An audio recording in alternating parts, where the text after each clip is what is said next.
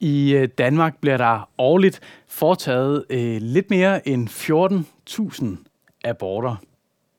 Statsfinansieret. Hvis man øh, undersøger på et øh, privathospitals hjemmeside, så vil man øh, finde ud af, at en abort vil koste et sted mellem 5 og 15.000 kroner at få foretaget, alt efter hvornår i graviditeten og hvilke omstændigheder, der lige gør sig gældende. Så hvis vi prøver at gange de tal med hinanden, så er det ikke usandsynligt, at den danske stat årligt bruger et sted mellem 50 og 100 millioner kroner skattefinansieret på abort. Kan vi som kristne støtte det? Kan vi som øh, kristne, der betaler skat, leve med, at øh, vores skattekroner i bekvemmelighedens navn går til at øh, tage livsmuligheden fra nogle af de mest sårbare og ubeskyttede? Jeg kunne øh, nævne mange andre ting end abort, som vores skat går til, og som vi måske kan finde kontroversielt, eller som vi selv tager afstand fra. Men vi prøver lige at lade den hænge, fordi det hænger lidt sammen med det, øh, vi skal være sammen om nem- nu, nemlig det, vi finder i Matteus evangeliet kapitel 22, hvor vi skal læse vers 15 til 22 under overskriftet spørgsmålet om skat til kejseren. Her siger øh, Matthæus sådan her. Da gik farisæerne hen og besluttede at fange Jesus i ord. De sendte deres disciple hen til ham sammen med herodianerne, og de sagde, Mester, vi ved, at du er sandru og lærer sandt om Guds veje, og ikke retter dig efter andre. For du gør ikke forskel på folk. Sig os, hvad du mener. Er det tilladt at give kejseren skat eller ej? Men Jesus gennemskuede deres ondskab og sagde, hvorfor sætter I mig på prøve? I hyklere. Vis mig skattens mønt. De rakte ham en denar, og han spurgte dem, hvis billede og indskrift er det? Kejserens, svarede de. Da sagde han til dem, så giv kejseren, hvad kejserens er, og Gud, hvad Guds er. Da de hørte det, undrede de sig og forlod ham og gik deres vej. Lad os bede sammen. Kære Gud og far i himlen, tak, at du har talt til os i dit ord. Nu beder vi dig, at du ved Helligånden vil åbne dit ord for os. At det må hjælpe os til at forstå, hvem du er, og hvad du kræver af os. Ja, Herre, endnu mere så åbn vores øjne for ikke bare, hvad du kræver, men hvad du giver. I dit navn beder vi, Jesus. Amen. I uh, den tekst, vi uh, netop har læst, så uh, møder vi Jesus kort for inden påske. Han er ankommet til Jerusalem, og det ikke så lang tid til, at vi når ind i den passage i Matteus evangeliet, hvor Jesus han bliver korsfæstet. I det forrige kapitel, i Matthæus kapitel 21, så møder vi Jesus, der er på tempelpladsen i Jerusalem. Og her er en dialog med ypperste præsten, øh, præsterne og folkets ældste. Og, øh, og de vil gerne øh, i samtale med den her rabbi, Jesus, som lærer noget, som, som de øh, tager afstand fra. Så de spørger ham med hvilken ret og hvilken autoritet han gør, hvad han gør. Og Jesus formår ved at stille et kløgtigt modspørgsmål, at skubbe dem fra sig igen, at komme ud af den klemme, de prøver at få om ham. Og så følger resten af kapitel 21 og starten af kapitel 22, hvor vi møder tre lignelser. Lignelsen om de to sønner i vingården, lignelsen om de onde vinbønder, og lignelsen om kongesøndens bryllup.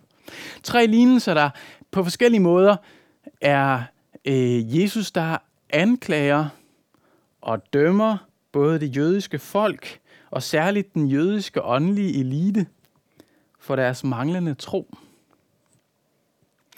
Og, og det er så baggrunden for det, vi møder her i kapitel 22, vers 15, hvor farisæerne nu beslutter sig for, at de vil dræbe Jesus. De vil skaffe ham af vejen.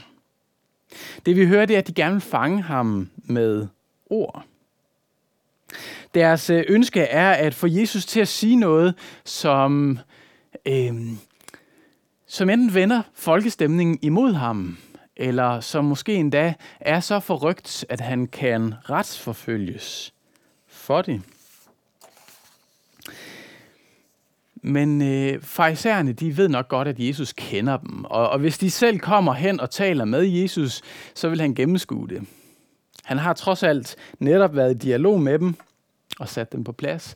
Derfor så finder de nogle unge disciple, nogle øh, knap så kendte, som øh, de kan sende i et falsk ærne. Deres håb er, at de kan flyve under radaren, uden at Jesus opdager, hvem det er, han egentlig er i dialog med.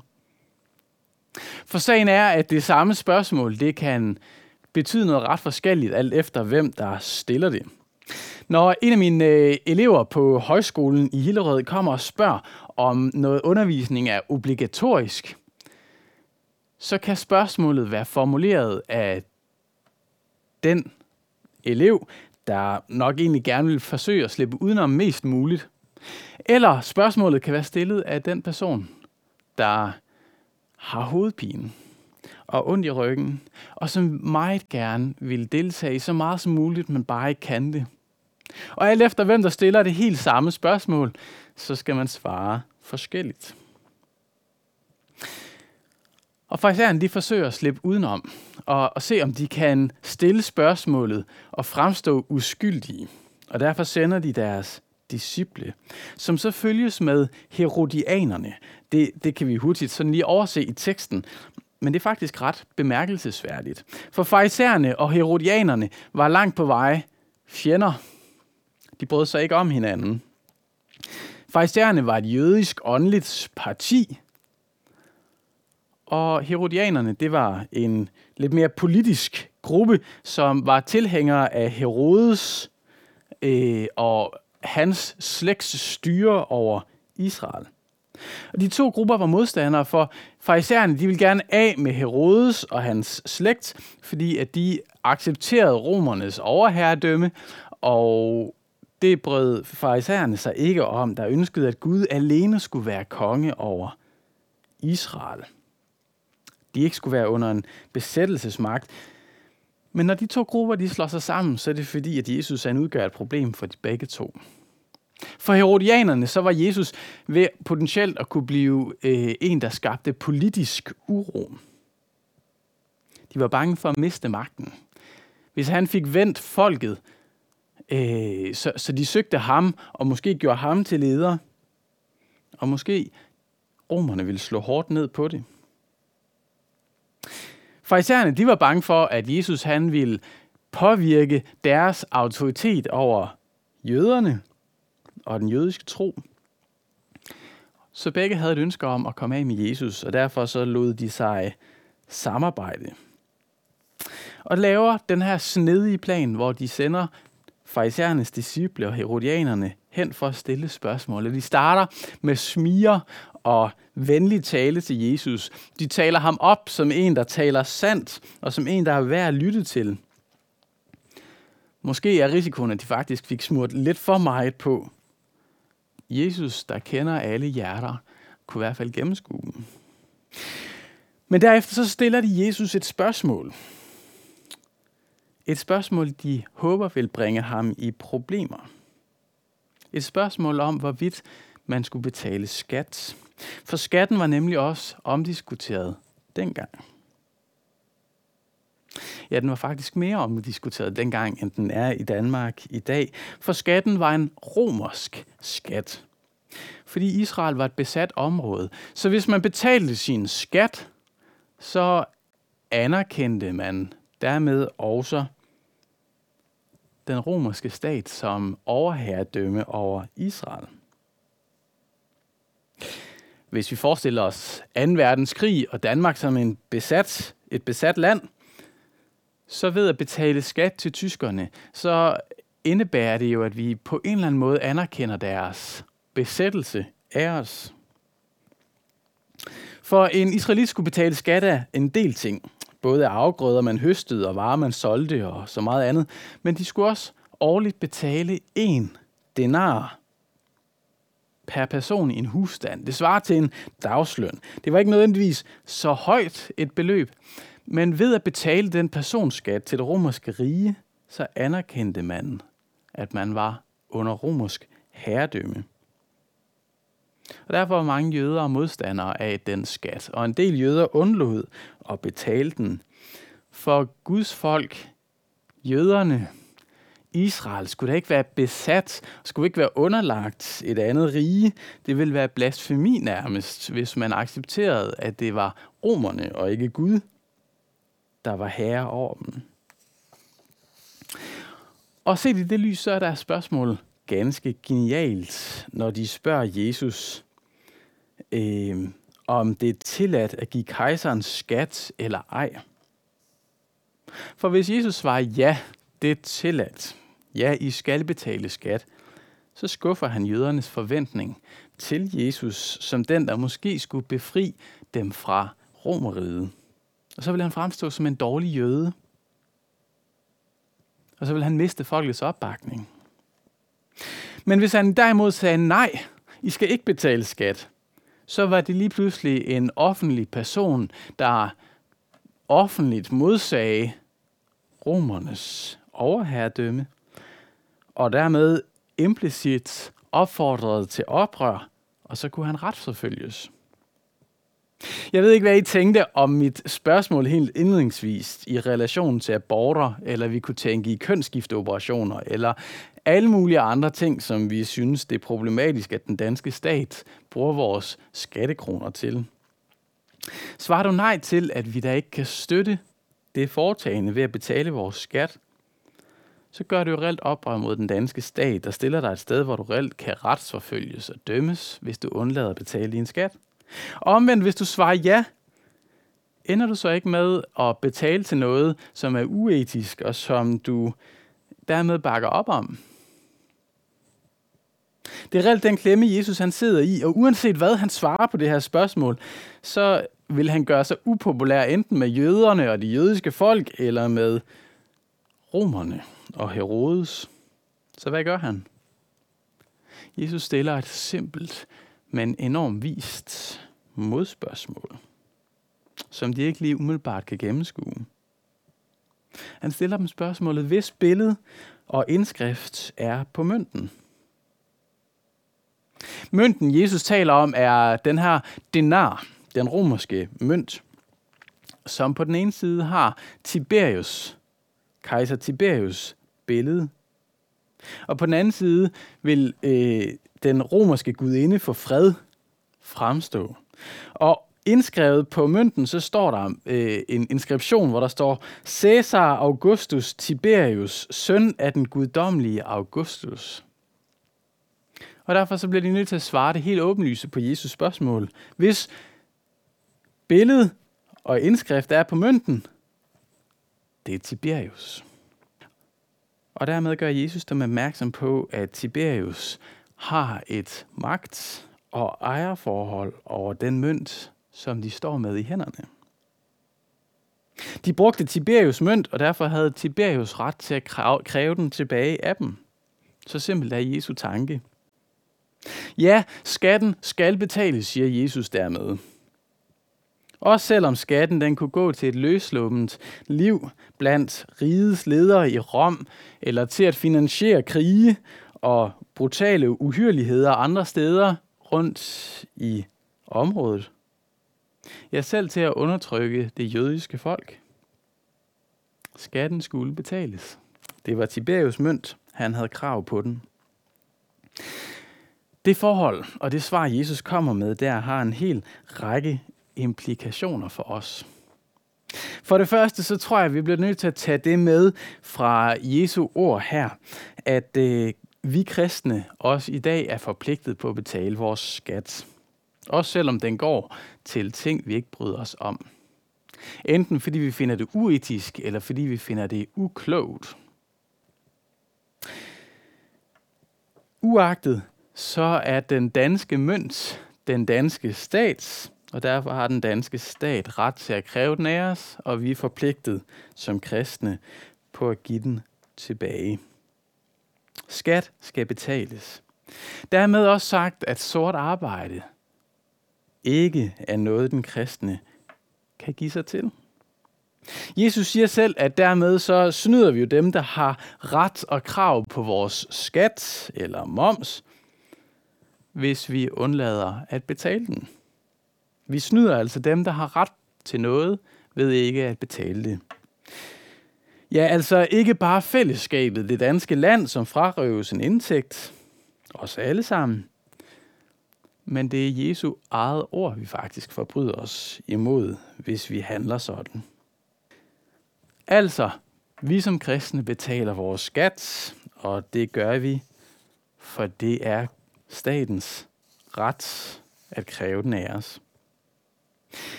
Men så tror jeg faktisk, der er en implikation mere i det, Jesus han siger. For Jesus, hvis vi følger hans udsagn om, at vi må give det til kejseren, som øh, er kejserens, så følger han det op med et udsagn om, at vi skal give det til Gud, som er Guds. Og så er spørgsmålet, hvad er det, der er Guds? Det første åbenlyse svar, det er jo alt. Alt er skabt af Gud. Og i Bibelen så møder vi den tanke, at hele skaberværket, det rummer Guds fingeraftryk. Fordi han har skabt det som den øh, skaber, han er, så vidner hele skaberværket om ham. I salme 19 så fortæller David os, at himlen fortæller om Guds herlighed. Altså hvis vi ser rundt på det skabte, så peger det også i retningen af Gud, for det bærer hans billede eller hans aftryk. Og i Romerbrevet kapitel 1, vers 20, så bekræfter Paulus den tanke ved at sige, at Guds guddommelighed og hans evige kraft har kunne ses siden verdens skabelse. Så hvis vi kigger rundt i skaberværket, så skriger hele skaberværket ifølge Paulus på, at der findes en Gud, der har skabt det. Det bærer hans aftryk. Vidnesbyrdet om, at det kommer fra ham, og dermed hører ham til. Så når Jesus siger, at vi skal give kejseren det, der hører kejseren til, og Gud det, der hører Gud til, så giver vi skat til kejseren, men det betyder, at vi skylder Gud alt. Så efter vi har betalt skat til den danske stat, så kan vi passende finde en del af det, vi har, og give det til Gud. Nu har Gud ikke nogen postkasse. Han har ikke nogen bankkonto, vi kan sætte pengene ind på. Så lad os give det til hans menigheds arbejde. Lad os give det til den kirke, vi kommer i. Lad os give det til den missionsindsats, der pågår i Danmark eller rundt i hele verden. Lad os give noget af det, vi har fået, og som reelt er Guds, til de uddannelsesinstitutioner, der uddanner fremtidens præster og missionærer. Eller lad os give det til Norea Mediemission.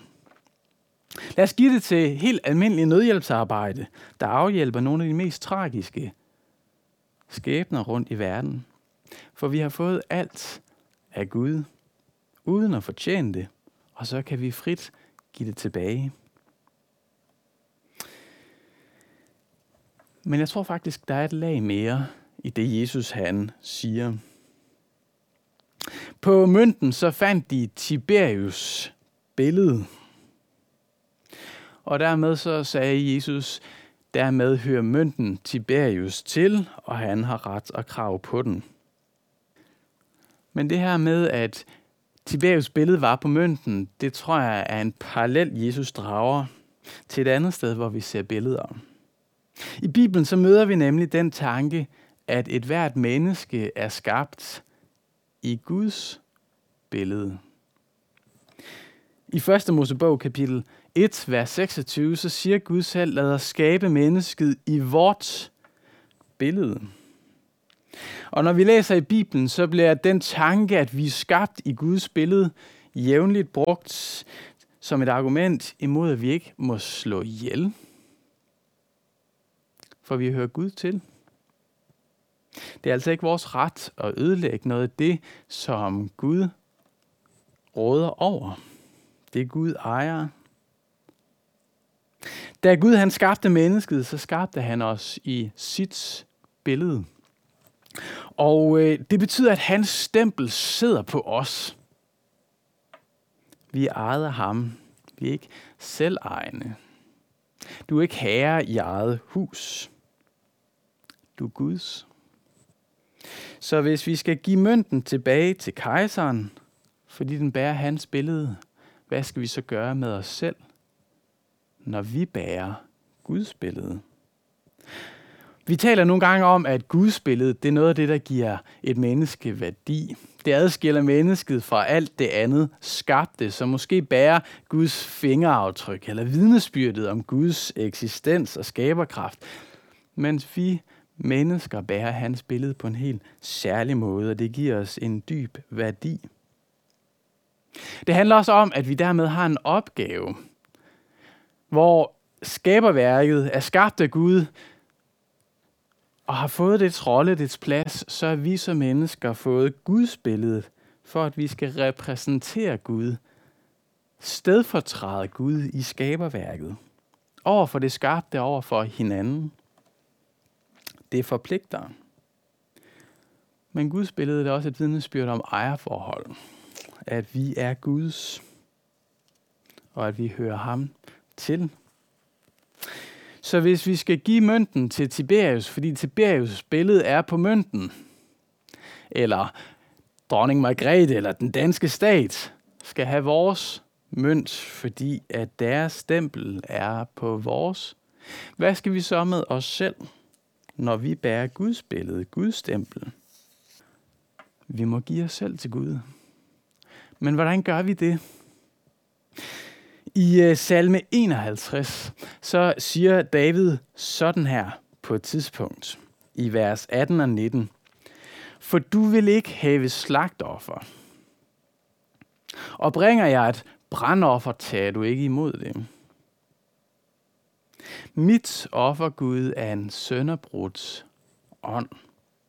Et sønderbrudt og sønderknust hjerte afviser du ikke.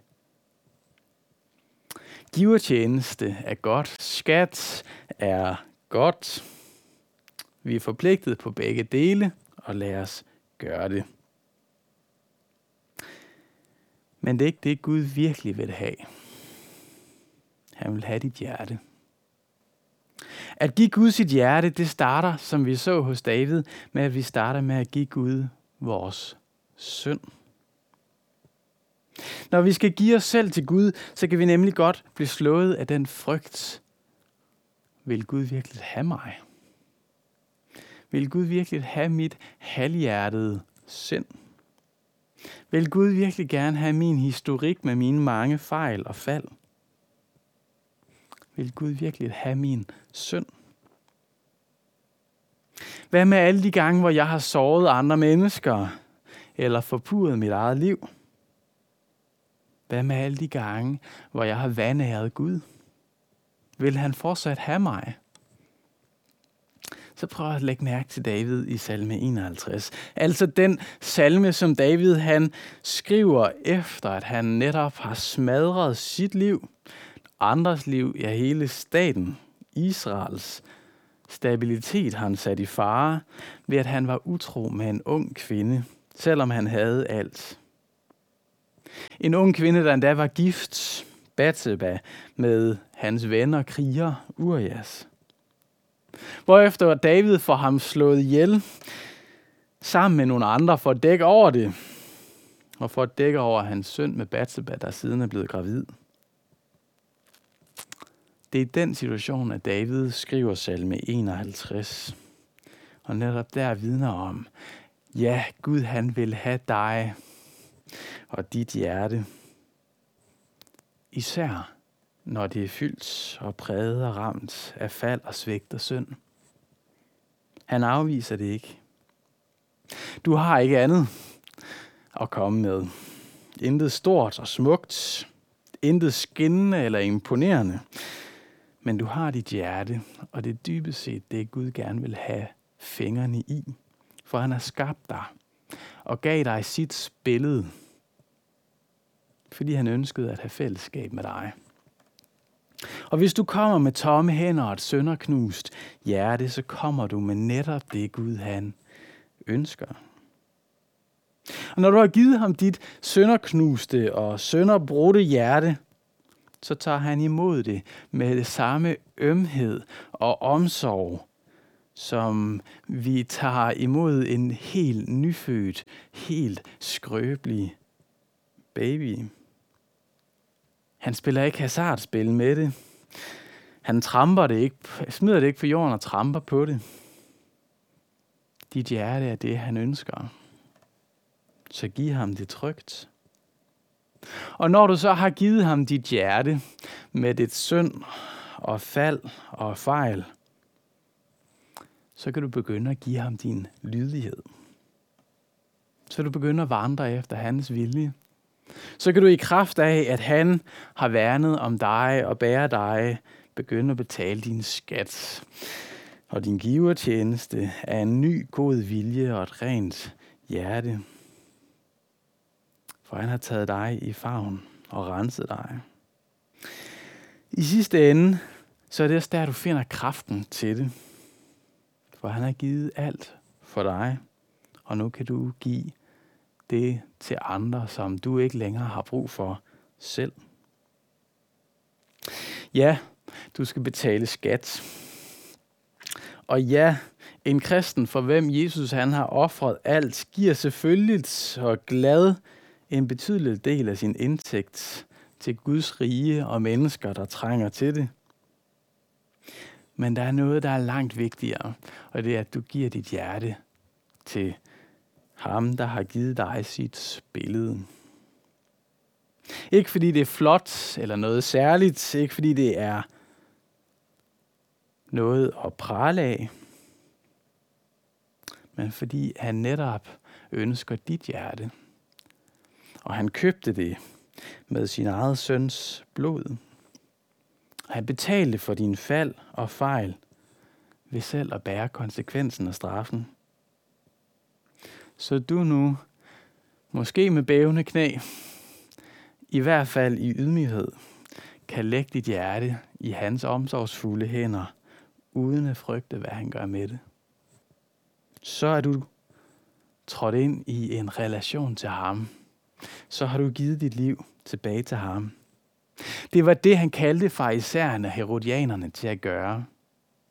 Men det var det, de ikke ville. De afviste at give sig selv til Jesus. Lad være med at begå den samme fejl. Vi skal bede sammen.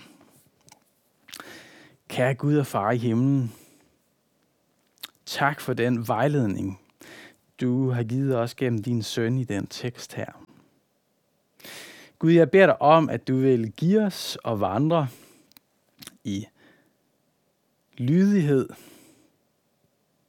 og redelighed over for de myndigheder, du har sat over os, og over for de mennesker, der er i blandt os, som har brug for noget af det, vi har fået givet, noget af det, vi har fået betroet af dig. Langt mere, Herre, så beder jeg dig om, at du vil tage imod vores hjerter, som vi giver dig. Tak, Herre, at du ikke er den, der afviser, men som netop længes efter fællesskabet med os. Tak, at du betalte med din søns blod, for at det er muligt. I dit navn beder vi, Jesus. Amen. Vi skal stille os ind under Herrens velsignelse. Herren velsigne dig og bevare dig. Herren lad sit ansigt lyse over dig og være dig nådig. Herren løfte sit ansigt imod dig og give dig sin fred. I faderen, søndens og helligåndens navn. Amen.